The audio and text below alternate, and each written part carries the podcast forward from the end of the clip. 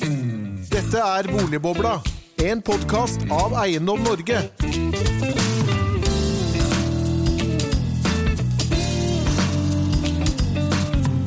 Hjertelig velkommen til en ny episode av Boligbobla, denne gang om koronaboom i hyttemarkedet, for det har aldri blitt solgt så mange hytter i Norge som i 2020, og omsetning av brukte hytter økte med hele 35,8% fra 2019, og det til tross for hytteforbudet i mars og april i kjølvannet av koronautbruddet. I tillegg bygges det årlig om lag 5000 nye fritidsboliger i Norge, og vi spør hvordan skal tilbudet demme opp den kraftige etterspørselen i hyttemarkedet i kjølvannet av korona? Og kanskje vi heller burde bygge byer i den norske fjellheimen fremfor de tradisjonelle norske hyttene. For å ta oss gjennom dette temaet har vi fått med oss noen utmerkede gjester. Hjertelig velkommen til deg, segmentsjef for hytter i DNB Eiendom, Tone Krange. Takk. Takk. Og så har vi fått med oss direkte fra ditt eget kontor i NMBU, er det det heter i Ås da, Erling Dokkholm, velkommen til deg. Takk, takk. Og så har vi fått med oss selvfølgelig alltid som min side Henning Lauritzen, administrerende direktør i Eiendom Norge. Yes. Eh, Henning, du la jo frem noen tall her for hyttemarkedet rett før eh, vinterferien. Eh, kan du gi oss en liten oppsummering? Ja, den, det, altså det, det, aller mest spennende er kanskje at det ble solgt så utrolig mange hytter i fjor. Eh, som du sa, 35,8% flere enn 2019, som også var et rekordår.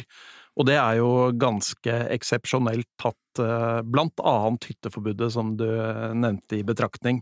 Da var det jo til og med eh, begrensninger i muligheten til å reise på hytta, overnatte på hytta, og noen steder fikk man ikke lov å reise inn i kommunen engang, i hvert fall hvis kommunen fikk det som de ville. Og så er det, hvis man skal se på prisene, så var kanskje ikke det året så eksepsjonelt hvis man sammenligner med en del tidligere år. Det var en solid prisvekst på, på 5,5% men der har vi hatt høyere prisvekst få år tilbake i tid. Da snakker du fjellhyttene eller alle hyttene? Ja, da, da snakker vi alle hyttene. Og så, så er det sånn som, som, vi da kan nevne, at sjøhyttene de er nok et knapphetsgode på mange måter. Byggeforbud i strandsone osv., så, videre, så der steg prisene ganske kraftig, 11,5% Mens tar vi, tar vi turen til fjellet, så var vi under 5% Og der bygges det mye, og kan fortsatt bygges mye i årene fremover. Så, så, der ser vi det ikke på prisene, men først og fremst på volumet, som var aller størst på fjellet. Men altså, boligmarkedet har jo gått hva skal vi si, helt vanvittig. Fritidsboligmarkedet har gått helt vanvittig i kjølvannet av korona. I mange andre land så har jo boligmarkedet i hvert fall sentralt i byene, de har fått seg en dipp. Utkantstrøkene har fått en vekst. Hvorfor ser dette annerledes ut i Norge? Nei, I Norge så, så, har vi jo definitivt ikke fått den utviklingen. Folk har ikke visst tegn til å flytte ut av byene, og, og, presset på boligprisene i byene har jo vært veldig sterkt gjennom det året som, som har gått. Og her kan man jo kanskje trekke den slutningen at i, i Norge, så i stedet for å søke ut av byen, så har vi søkt til fritidsbolig. De som ikke hadde fritidsbolig før, de har kjøpt seg fritidsbolig i løpet av koronaåret. Mm. Ja, jeg, jeg, kan jo bekrefte, for jeg var både på høstferie og vinterferie på vår hytte. Og der kan jeg si at det aldri har vært så mye folk. Altså, på, folk på hver hytte. Det er korona, koronaåret, altså. Men Tone, du, du, dere i DNB, dere er jo i dette, dette hver eneste dag. Eh, hvordan, hvordan, har det sett ut nå, hva skal vi si, etter 2020, i det nye året 2021? Ja, det har jo vært det, holdt på å si, lille som blir lagt ut. Det er det jo stor etterspørsel etter. Så det er jo hele tiden kampen om å få nok hytter til å møte den etterspørselen. Men for å dvele litt ved 2020, da, for det er litt gøy, og, og det er jo all time high-året. Og det var jo i alle, hvis du deler sjøhytter, innlandshytter, fjellhytter Altså alle hadde vekk volumvekst, og alle har hatt prisvekst.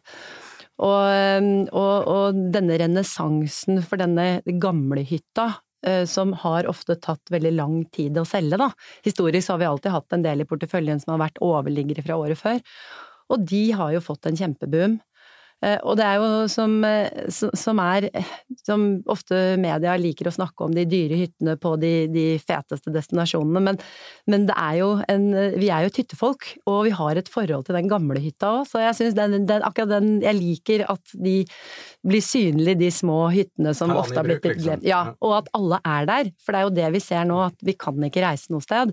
Og, og alle de som ønsket å kjøpe i utlandet, det har jo vært sånn rundt 100 000 de har jo også nå måttet vende nesa hjem, så det har jo blitt en ekstra etterspørsel der òg. Og det at vi kan jobbe fra hytta og, og feriere der fremover. Men altså, byggingen av hytter har jo også vært veldig sterkt de siste årene. Vi snakker vel rundt 5000 i året. altså Eh, hvis etterspørselen er så stor som, mm. som, det nå ser ut som, så vil jo mm. også byggetakten sannsynligvis også øke, skulle man kanskje tro? Ja, og der ser vi også at det er nok tomter til å bygge i, i fjellheimen spesielt, da, for det sjømarkedet er jo begrenset. Eh, men, men der vi, så vi på igangsettinger som har falt, eh, fordi at Og det, det, kan være mange grunner til det. Nå ser vi jo at de closer ned en del bygge eh, grunn av at bygningsarbeiderne må i karantene, og det kan ha en effekt. Og så ser vi også at jeg tror plan- og, og eh, byggemyndighetene i denne koronatiden ikke har hatt det like enkelt som kanskje det vi har hatt det, hvor vi har kunnet bare tvike tilbake på hjemmekontoret, er online, alt. Altså, det tror jeg også har vært en liten delay. Så, men det er nok tomter, så det blir jo spennende å høre hva herre Dockholm sier, da. Ja, eh, eh, Erling, altså etterspørselen her er jo helt formidabel. Eh, alle skal til fjells. Men du, du, er jo ikke da Du langet jo ut her i Aftenposten før, før vinterferien at disse hyttekommunene, da, som man kan kalle det, de driver eiendomsutvikling uten et overordnet mål. Ja, det er veldig eh, Altså, alle skal til fjellet, men det blir ikke noe fjell? Eller hva, hva, er det du egentlig sier? Ja, det, det, det, er jo kjempeinteressant. Vi har denne tradisjonen i Norge med at folk eh, vil eie sin egen hytte. Vi har den høyeste hyttetettheten i verden uten sammenligning. Eh, nesten 500 000 hytter. Det er 2,5 millioner boliger, 500 000 hytter. ja. Ja, det er, det er, helt enormt. Så det er klart at vi står i en situasjon da, hvor dette som en gang i tiden var noe som overklassen hadde, så har liksom øvre middelklasse skaffet seg det, og nå er det på vei til å bli et allment gode på linje med, med bil eller bolig. Og, og, det er mange positive effekter av å eie en hytte, og jeg syns det er kjempefint at folk får gjort det. Samtidig så ser vi at måten mye hytteutbygging foregår på i dag, eh, er ganske dårlig. Den skaffer ikke kommunen langsiktig bedre økonomi. Eh, den bidrar ikke til å ta vare på naturressurser på en positiv måte. Og er, det er mye sånn skumming av fløten-utbygginger eh, hvor du verken optimaliserer opplevelsen for de som er kunder, eller de som eh, faktisk selger arealene sine. Så jeg tror at eh, sånn helt overordnet så bør utvikling av fritidsmarkedet ses på, ikke utvikling av fritidsbolig. Men hvordan utvikler vi dette markedet best mulig? Og Da tror jeg det er svært viktig at man tar utgangspunkt i eh, at det skal gi høy sysselsettingseffekt. Eh, og Utover byggingen, altså? Derlig. ja. Og Derfor er tjenester mye viktigere. Du må lage en struktur som gjør at kommunene får høy sysselsetting over tid. Og Jeg vil jo anbefale alle å følge med på f.eks. beleggsstatistikker på hoteller. Eh, det gjør jeg. Det har gått veldig dårlig de siste. ja, nå er det jo helt forferdelig. Men det er ingen tvil om at det er forferdelig nå, men det er gøy. Altså, det er Vi snakker om sesong, ikke sant? Mm. Uh, og når du vet at beleggsprosenten i Trysil i mai, et normalår på hotellene, er på 4 mm. så skjønner du at du har med en ganske skjør sektor tross alt å gjøre. Og Hvis du ser på konkursstatistikken til norske høyfjellshotell altså Det fins faktisk nesten ikke høyfjellshotell i Norge som ikke har gått konkurs en del ganger. Men det fins vel ikke høyfjellshotell lenger heller, gjør det det? Nei. Nei, de er nå ombygd til leiligheter. Ja, nettopp, og alt sånt. Hele, hele, denne eiertanken har fått lov å dominere i mange år, og det er veldig positivt fordi det har skaffet en viss type økonomi. Samtidig ser vi at hvis vi går da til Norges største hyttekommune, Ringsaker kommune der ligger altså dette 7000 hytter, er det det? Ja. ja 7000 hytter. Der ligger eh, da Sjusjøen, som er dette hytteområdet. Ringsaker kommunes økonomi er ikke bra. Eh, har, altså, kjempe, og, og, sysselsettingsmessig er de ganske avhengige av eh, av hytteutbygging. Altså, noen sier at Norge er oljeavhengig, det stemmer jo, men Ringsaker kommune er hytteavhengig. Og løsningen for dem er å bygge flere og flere hytter. Men nå kan de ikke bygge flere, er det ikke det? Byggeforbud i Sjusjøen, er det ikke det? Ja, nå er det sånn at ja, i hvert fall fordi de vil jo, alle hyttene vil jo ha vann, og det er ikke noe særlig vann oppå der, så de må transporteres opp, og det er kloakkrenseanlegg, utbygginger og det er, det er, krevende. Og det er ikke billig, sånne ting. Det er ikke billig, og hvem skal betale? og Der har du noen store grunneiere, såkalte allmenninger, som driver ekstremt profesjonelt. og Mange av hytteeierne mener jo også at de ikke driver helt transparent. De skjønner ikke hvorfor det koster så og så mye å brøyte og så og så mye ditt og så og så mye datt. og det oppstår konflikter, men de største konfliktene som oppstår, er jo om de urørte arealene. Eh, og så kan man si hytteeierne er egoistiske. De ønsker ikke at andre skal få tilgang til det samme som dem.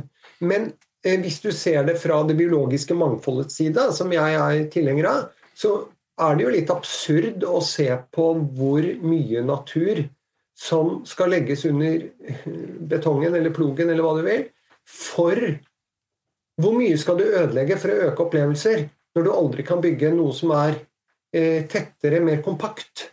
Og samtidig ja. Men da er løsningen din at byer i fjellheimen, da? Ja, jeg, jeg, jeg tror at vi burde se litt til hvordan man gjør det i Alpene. Og det finnes også steder i Norge hvor dette gjøres på en ålreit måte. da. Eh, På Hafjell, så, nei, på Kvitfjell så er det tendenser til det, etc. Eh, Myrkdalen har noen tendenser. Men generelt sett i Norge, hvis vi da går tilbake til Sjusjøen, så har de altså bygget et lite sånn senter hvor det er en Kiwi og en sportsforretning. Men det er ganske det er liksom ikke et sted du har lyst til å dra. Da er ingen av de kvalitetene en liten, tett, intim småby har. Eh, og så er det leiligheter, og de er selvfølgelig solgt alle sammen. Fordi en av de viktige driverne i dette fritidsmarkedet, det er klimaendringen. Når det blir dårligere skiforhold i Oslo-regionen, hvor det bor altså godt over en million mennesker I år har det ikke vært så dårlig, da. Nei, akkurat, nei, det har ikke vært så dårlig. I fjor var det dårlig, men i år var det- veldig dårlig. Og akkurat i dag er det veldig dårlig. Mm. Og jeg teller mine egne kilometer, og det er Nå er det I går var jeg på min første løpetur, og det var ikke hyggelig. Så veldig mange av oss vil, veldig mange av oss vil gå på ski. Og vi betaler for å reise noen timer for å kunne gå på ski. Og det er klart at veldig etterspørselen etter hytte har vært helt sånn kulturelt forståelig og sånn, men tilbudssiden på eh, det mer småbylivet, det har ikke vært utviklet. Så der tror jeg Altså, eiendomsutviklerne utvikler hyttefelt. Hadde de utviklet gode og interessante småbykonsepter, så tror jeg det kunne gått veldig bra. Men Tone, du, du er eller dere er jo rundt omkring i hele landet på alle disse destinasjonene. Er det ingen som tenker sånn som det Erling her etterlyser? Det er jo ikke så svart og hvitt, da, føler jeg. Og jeg føler at det er ganske stor forskjell på der hvor kommunen samarbeider godt med utbyggerne, at det er et godt klima for det å lage en helårsdestinasjon, sånn som for eksempel Hafjell er, da. eh, Med, med tilbudene, men istedenfor å bygge en eh, det blir jo en by på Hafjell på mange måter, det blir flere faktisk tettsteder der nå, men du har jo Lillehammer, du har eh, Hundefossen, altså du har en del eh, gjenbruk der, og, og, og det legges jo igjen vesentlige kroner i, i bygda, altså. Så, så, men, jeg, men jeg skjønner poenget ditt, men, og det som også er et sånn paradoks, er at når nordmenn drømmer om hytte, da, de som ikke har det, så vil de gjerne opp på Snaufjellet, og de vil være alene og sånn, men de havner jo ofte i de store destinasjonene, da. Så, og det handler jo noe om tilbudet, men jeg må si jeg var i Oppdal i, eh, for et par uker siden, og, og jeg ble så overrasket, fordi eh, nå er jo veldig mange av de som, trønderne som kjøpte i Åre, på grunn av at det var sikkert mye bedre der, jeg har ikke vært i Åre, men var hvite duker, der var det Åre, Åre har et lite landsbysenter. ja, ikke sant? Men, og de, de kjøpte der for det var mer convenient, men, men nå på grunn av at ikke de kan reise på hytta si på Åre, så snakket jeg med flere som hadde solgt i Åre nå og kjøpt dem tilbake på Oppdal. Og det bygges der, men der syns jeg også at en så stor, flott sted, at det er gjort veldig lite med med infrastrukturen, bortsett fra at Oppdal by da, har blitt en kjempeby. Vi har jo ikke vært der på fryktelig mange år, og det, så det er jo litt som Lillehammer. Så du har jo bynærheten der hvor du har det, men, men øhm, jeg tror at det skal, de store skal bli større. De store uh, skistedene skal bli større. De store destinasjonene skal bli større, jeg tror det. Men tror det heldigvis så er det mange som vil fremdeles også ha den lille hytta inne i skogen òg, da. Men hvis disse Men ikke sant, det bærekraftspørsmålet, både økonomisk og miljømessig, kanskje i en viss grad også sosialt, det er jo det vi må sette i fokus. Hvordan skal vi optimalisere det? Hvordan skal vi ta vare på naturen samtidig som vi kan sikre god økonomi? Og da tror jeg vi må begynne å tenke eh, legge noen prinsipper til grunn. Uh, og det jeg ser, og jeg har sittet i dag for eksempel, jeg sitter og lest kommuneplan, arealplan og samfunnsplan for Sigdal kommune. Mm. En av de store hyttekommunene i Norge. Mm. Det er en av de store. De har 4000 fritidsboliger. Vet du hvor mange nye fritidsboliger de legger opp til i perioden fram til 2030? Altså det er ni år fram. 10 000? 4000? De skal doble. Og, så, og, så, og, og hva er det overordnede målet i samfunnsplanen deres? Det er å ha befolkningsvekst. De vil ha befolkningsvekst. Så hvordan skal de få til det? Via hytter. Mm. Mm. Og, og, De har ikke gjort noe dårlig planarbeid, og de ser på mange ting, og de ser på fortettingsmuligheter og sånn, men det jeg tror altså, Når jeg eh, f.eks. For forrige uke, nei, for to uker siden For ti dager siden så var det kommunemøte i Ål kommune. Kommunestyremøte i Ål kommune. Da var det strid om hytteutbygging. Jeg skal ikke gå i detaljer på det, men den, den striden står om de spørsmålene vi snakker om nå. Og det ble et kompromiss. Og dette her er I Norge så har vi noen nasjonalparker, men ellers så har kommunene veldig stor råderett over eh, hvor de bygger. Og de går ofte langt utover det som i utgangspunktet man tenkte var mulig å gjøre. Og det er alltid gode argumenter for å bygge ut sårbar natur, og det er noen politiske partier som profilerer seg på det og sier at det er nok natur eh, å ta, og det gjør ingenting at ja, ja, det forsvinner noe det forsvinner noen dyrearter, og det er ikke så lett å være tiur mer og sånn, men pytt jo, jo, men det er sånn altså, Det var mye greier å være tiår for 20 år siden. Ja, men altså, altså, og det er noen som sier at det er en konflikt mellom vekst og vern.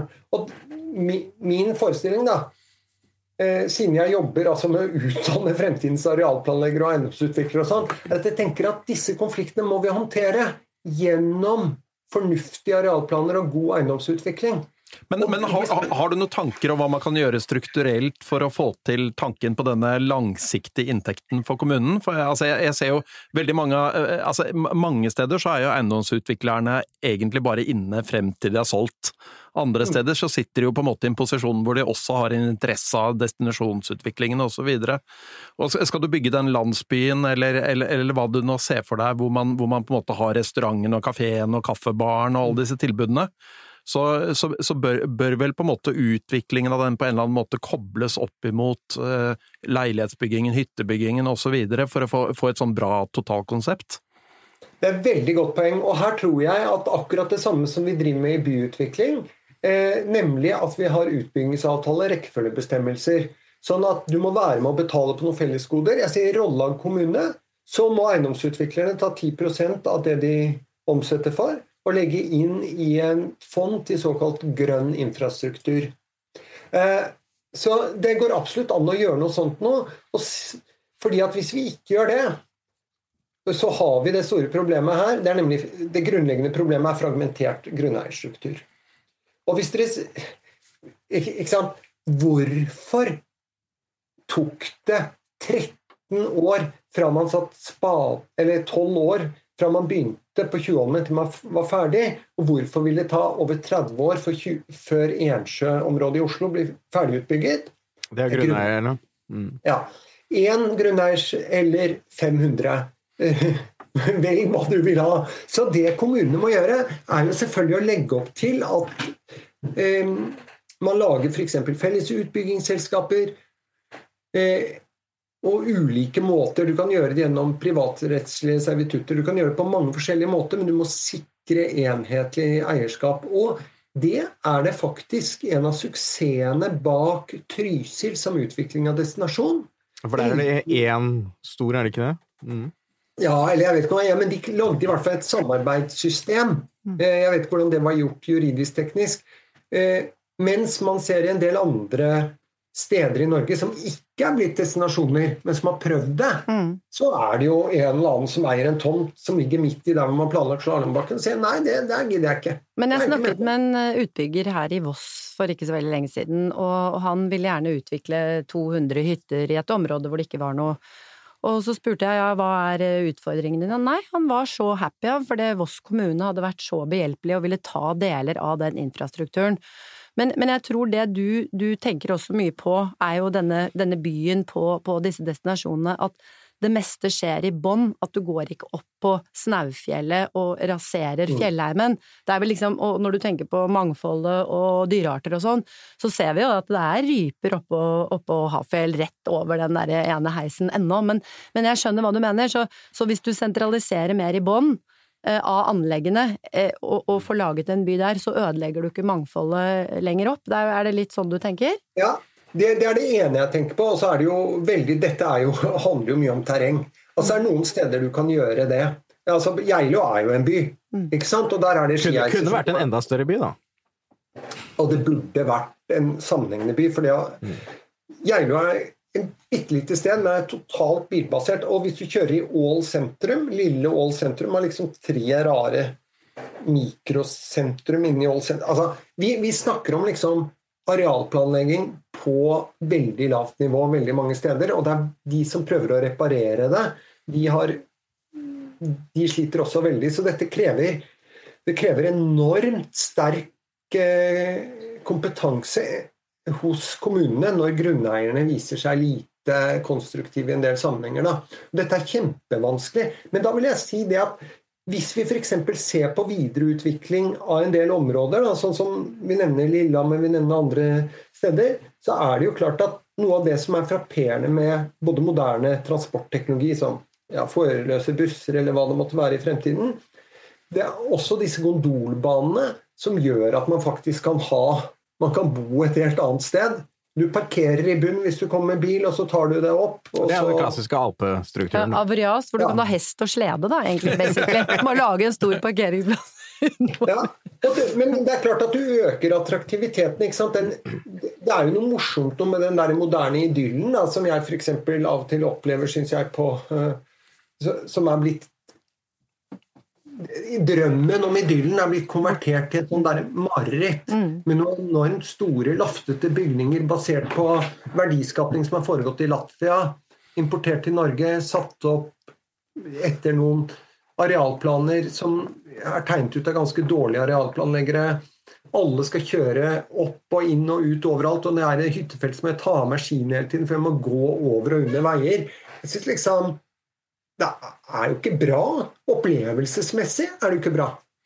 Ikke Men altså, staten har jo da sine eh, planretningslinjer for eh, jeg, bo- og arbeidsmarkedsregioner. Bør liksom staten ha noe tilsvarende da, for eh, hytteområdene? Det er jo åpenbart også vesentlig for, for, for regionenes utvikling, byutvikling, trafikk, altså mange områder, mange, mange politikkområder i Norge.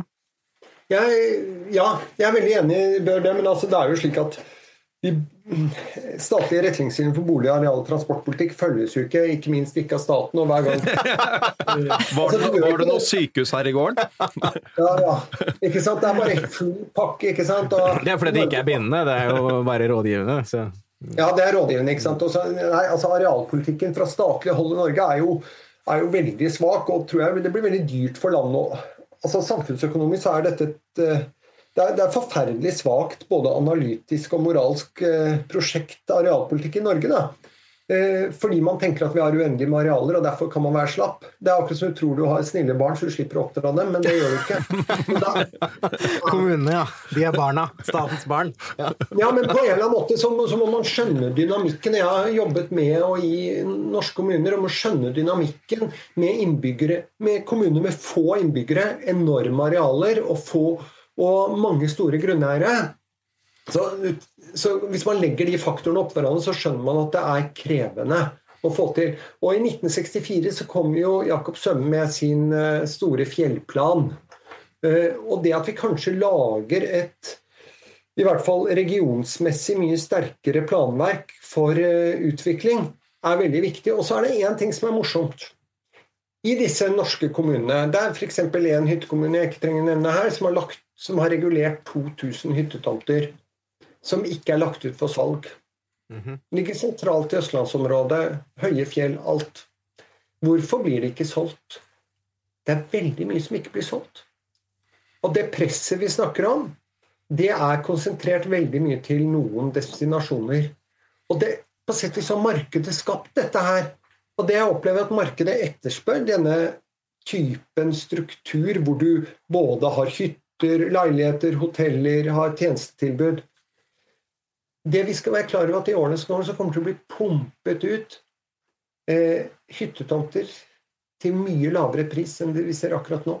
For det er en overproduksjon av hyttetomter på områder som ikke er lønnsomme, som ikke selges nå. Men de er ikke i markedet. Men eh, altså, rett før, rett før, sommeren så leverte da kommunalministeren sine nasjonale forventninger til, til strandsonen. Da var han også gjest her i vår sånn sjøhyttepodkast. Altså burde vi hatt noen nasjonale forventninger, da, eh, til, til fjellkommunene. Ikke sant? Nå har vi noe byggeforbud i, i strandsonen, men eh, ja. fjellet er jo også åpenbart sårbart, jf. det du beskriver her. da. Ja, da, fjellet er veldig sårbart. og du kan tenke deg at nå er det jo Alle store kommuner har såkalte arealstrategier. og det Vi trenger vi trenger jo sannsynligvis enten må vi utvide nasjonalparkene, eller kanskje vi burde tatt LNF-områdene. altså Landskapsvernsområdene. Mm. Ja, naturområdene ut av kommunens forvaltning og lagt de innunder fylkeskommunen. Flyttet forvaltningen av dem. Eh, vi, jeg vet, altså det har jo vært, NRK dekket jo veldig godt en sak i en kommune i Troms hvor eiendomsutvikleren hadde jobbet som saksballer i kommunen. Jeg vet ikke om du leste den? Det har vel vært noen andre steder det også har vært noen sånne Ja, ja det, har, det, har, det har vært noen Skal ikke nevne noen. ja. ja, det har, det har vært litt sånn. saker. Men her var det at han eide sine egne tomter. Mm -hmm. Og så leste jeg jo den saken, og det virket jo liksom ganske horribelt og inhabilt. og det er ikke måte på. Men så kommer det liksom en sånn litt setning at det faktisk er et sånt trekk av rein som går forbi. Riktignok tamrein, da, men det er jo en næring og ja. Og de hadde da planlagt at Og det, det skulle utvikles masse hytter her. Det var en nabokommune til Lyngen ikke sant, inne i Troms der. Balsfjorden var det vel, ja. ja. Da skulle den reinen Da hadde de utredet om de kunne flytte reinen i bil. Ja, ikke sant? Det er liksom Nei, vi bygger et hyttefelt her, men prisen er at vi må lage en, en reintransportlinje motorisert. Altså, ikke, ikke, så bra å være rein lenger heller? Nei, altså Det er liksom så, så, så, Det jeg drømmer om, var jo at det fantes noen utrolig gode, flinke norske kommuner som lagde, hadde en idé om å lage en virkelig god fjellandsby. Eh, lagde som hjelper utgangspunkt i en av en eksisterende um, bosetning, eller altså hyttefelt, et eller annet sånt, som ikke ligger altfor høyt. Arkitektkonkurranse innkalt til det. Får inn gode eiendomsutviklere. Setter opp og ser hvordan dette kan gjøres. Tror jeg vi kan komme kjempelangt, altså. Og lage mye mer eh, Og det, det er klart at de der strandtomtene, ikke sant Det bygges jo ikke Altså, antall strandeiendommer er konstant. Pengemengden i samfunnet øker. Altså, det er bare å Svaret er gitt. Svaret er gitt. Ja. ja. Alle vil til fjells. Alle, alle, skal, alle må til fjells. Ja. Men Tone, hvis vi da skal de får gå, ja. Men Tone, hvis vi skal, skal se liksom litt, litt, videre, da. nå har vi lagt bak oss uh, tidenes uh, år i hyttemarkedet. Liksom, hva skjer i 21, hva skjer i 22? Eh, Erling sier jo her det er enormt med hyttetomter. Mm. Uh, det er jo åpenbart muligheter. Ja, og vi har hørt mye om alle disse tilgjengelige hyttetomtene, men det er, det er litt som du sa, Holm, at det, det, er, det kommer suksessivt ut. Eh, men så er det jo også at disse kommunene vil ikke ha for mange eh, områder som bygges samtidig. I hvert fall virker det som, jeg vet ikke. Men, ja. men, eh, men, jeg tror at fremdeles så vil hyttemarkedet i Norge være veldig bra. Eh, vi har mm. Og jeg, tror, jeg har fått mye spørsmål om det, ja, hva skjer nå når denne koronaen går over? Jeg går den over, da? Eh, ja, hvis den går over. Men den går nok litt over, og så kanskje den kommer litt, litt tilbake igjen. Men, men, uansett så tror ikke jeg at nordmenn generelt bare snur seg rundt og selger hytta som de kanskje kjøpte nå, midt i korona. Jeg tror de har et langsiktig forhold til det, og så, så, så tror jeg at uh, folk uh, kanskje de konsoliderer litt mer på det de har hjemme, og sånn som vi snakket om at i andre land så flytter jo folk ut av byene, men at folk kanskje bor mindre i byene, eller tenker annerledes, men de har et ekstremt sterkt forhold til den hytta si. Mm. Så Men også er det jo også sånn når vi ser pengesterke nordmenn Vi ser at nå er det jo ikke bare hytta, men nå er det kanskje leilighet nummer to på fjellet, kanskje også på samme destinasjon. Vi ser noen endringer nå som ikke vi har sett før. Eh, også den gruppen som jeg tilhører, da, aldersgruppen, at de får barnebarn, og så vil de henge med barnebarna. Det blir mye sånn closere storfamilie på hytta, som man kanskje ikke verken har tid eller kanskje plass til hjemme. Så jeg, jeg tror veldig på et sterkt hyttemarked, men det er jo klart at vi ser enkelte steder nå, så er det jo blitt skikkelig dyrt. Um, så, så, men de attraktive stedene hvor det er god eh, infrastruktur, hvor det er helårsdestinasjon, hvor det skjer også ting om sommeren, jeg tror, eh, jeg tror på en eh, jevn og god prisvekst. Ja, nei, Vi hadde jo to hyttekommuner med over syv millioner i snittpris, mm. så, så, og det er jo sjøhyttekommuner, ja. men, men, det er jo voldsomt, selv om, selv om, det er langt rimeligere mange steder på fjellet. Mm. Men vil korona endre, endre, bruken av hva skal si, eller fritiden vår, da, Erling? Ja, altså jeg, jeg, jeg tror det er, det er, at det skillet mellom fritid og arbeid det har jo for mange av oss aldri egentlig eksistert. ja, ikke, er, Nå er den opplevelsen demokratisert, på en måte? I... veldig, veldig, godt formulert. Altså. Og jeg, jeg, tror jo det at når du, når du, ser på Når jeg har vært en del på hytta da, etter hytteforbudet ble opphevet um, og du liksom, ja, det er lys, og folk har hjemmekontor, og når de møter hverandre i skiløp, så snakker de om hvilket 4G-nett har du Altså, man har kommet dit hen at uh, og, og jeg tror jo at dette har noe med generasjonen å gjøre også. At nå får du en, mange mennesker som faktisk kan jobbe hjemmefra, og de vil gjøre det ikke hver dag, men de vil gjøre det i litt lengre perioder. Og så har vi det, det er veldig viktig dette med familien. Eh, altså Den norske antropologen Marianne Gullestad skrev en gang for mange år siden om hvorfor er husene på Jæren så store. Jo, fordi den kulturelle koden er at du skal kunne ha konfirmasjon hjemme. Så du, du Nå skal vi ha konfirmasjon på hytta! nei, men ikke sant, nå er, den, nå er det den, drømmen om de barnebarna som skal komme, der, der hytta ikke sant, mm. blir på en måte det faste. Det, vi lager dette, dette stedet. Det kan, uansett hvor du kjøper det, så kjøper du en hytte, og så sier du at dette er det beste stedet. Eh, og jeg syns det er veldig gøy å være i hyttefelt, jeg, eller hytteområder, så møter du mennesker, ikke sant. Og så skryter de veldig av akkurat sitt område. Ja, dette her, her er det er det beste det. området. Ja. ja. Og så er det masse gode argumenter for det. Ikke sant? Som, og Det viser jo at mennesket har en veldig sterk evne til å få tilknytning til det. Og når du har brukt såpass mye penger på det òg, så kan du ikke etterpå si 'jeg likte meg aldri her'. jeg, tar, jeg, gjør alltid dumme ting. Feil avgjørelser. Men jeg tror det er veldig godt poeng. Jeg var jo altså i vinterferien på, på vår hytte som ligger i Øystre Slidre, et område som heter Ydin. Og der tok jeg meg da, i, mens jeg satt der på hytta, å gå inn i kommunens nettside og, og åpne arealplanen for det området. Mm. Og der sto det faktisk det at um, utnyttelsesgraden på hyttetomtene den måtte økes på grunn av flere generasjoner skulle kunne ta i bruk den samtidig. Så jeg tror nok det er veldig riktig det du sier der. Du rekker konfirmasjonen, du. rekker konfirmasjonen, ja. jo, men det er uhyre interessant når kommunen ser større hytter på tomtene mm. som en fordel, fordi de ønsker jo større omsetning i butikkene på Fagernes og, mm og alt sånt. Så jeg opplever jo liksom at de hytte... At nå i norske kommuner så sitter det egentlig to-tre forskjellige eh, forståelsesformer for hvordan du utvikler disse hytteområdene. Eh, og det er helt klart at nå kommer det mange unge, gode, flinke arealplanleggere inn. Eh, og det er håp om at de kan klare å lage mer helårsdestinasjon. Og da vet vi da er det kritisk masse. Mm, du må mm. opp. Altså For å drifte denne infrastrukturen Vet du hva, skiløyper Jeg hadde nå i vinterferien Jeg gikk på ski fra Norefjell til Ål. Um, det er jo det er, altså Hvor mye CO2 som slippes ut på å kjøre de Det er jo vanvittig bra infrastruktur.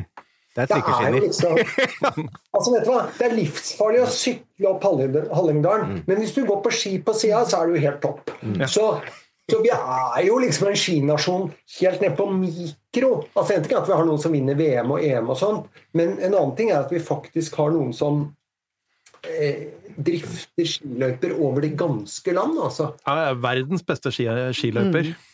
Ja. Men det er forventningene. Folk forventer jo også disse skiløpene. Etter at de har vært rundt i Nordmarka, så er det 300 km i Nordmarka eller noe sånt, er det det? Så forventer de at det skal være det samme alle mulige andre steder også. Altså, ja. hvor de. Men, men det, det, som du nevnte i stad i forhold til det med snøhull Jeg husker jeg fikk et spørsmål. Hvor er det liksom tryggest eh, og mest snørikt i Norge? Og det blir jo, kan jo fort bli et spørsmål, eller det er jo fort et spørsmål at vi, er vil på, de, ja, vi vil på de snørike destinasjonene, men i, i år så har alt vært litt annerledes. I år har vel alt vært bra, kanskje? ja, det er bra, men, eh, men det er mye snø der hvor det ikke var så mye, pleier å være så mye snø, og litt sånn motsatt. Men det, det har vi jo sett. sånn er det vel alltid Sånn er det alltid. Ja. Men- Vær er ikke klima, har jeg Nei, det er jeg litt enig i, altså. Men tiden går fantastisk fort eh, når vi sitter her i podkaststudio, ser jeg. Eh, Vi må gå inn for landing. Dette var jo fantastisk eh, givende. Takk til Erling, direkte fra Ikke direkte for lytterne, selvfølgelig, men direkte for oss. Direkte fra Ås. Ja. Tone Krange, DB, takk til deg. Og takk til Henning Lauritzen. Og takk til meg. Vi er tilbake med en ny episode før Boligbobla, før vet du det. Takk for denne gang. Takk. Takk.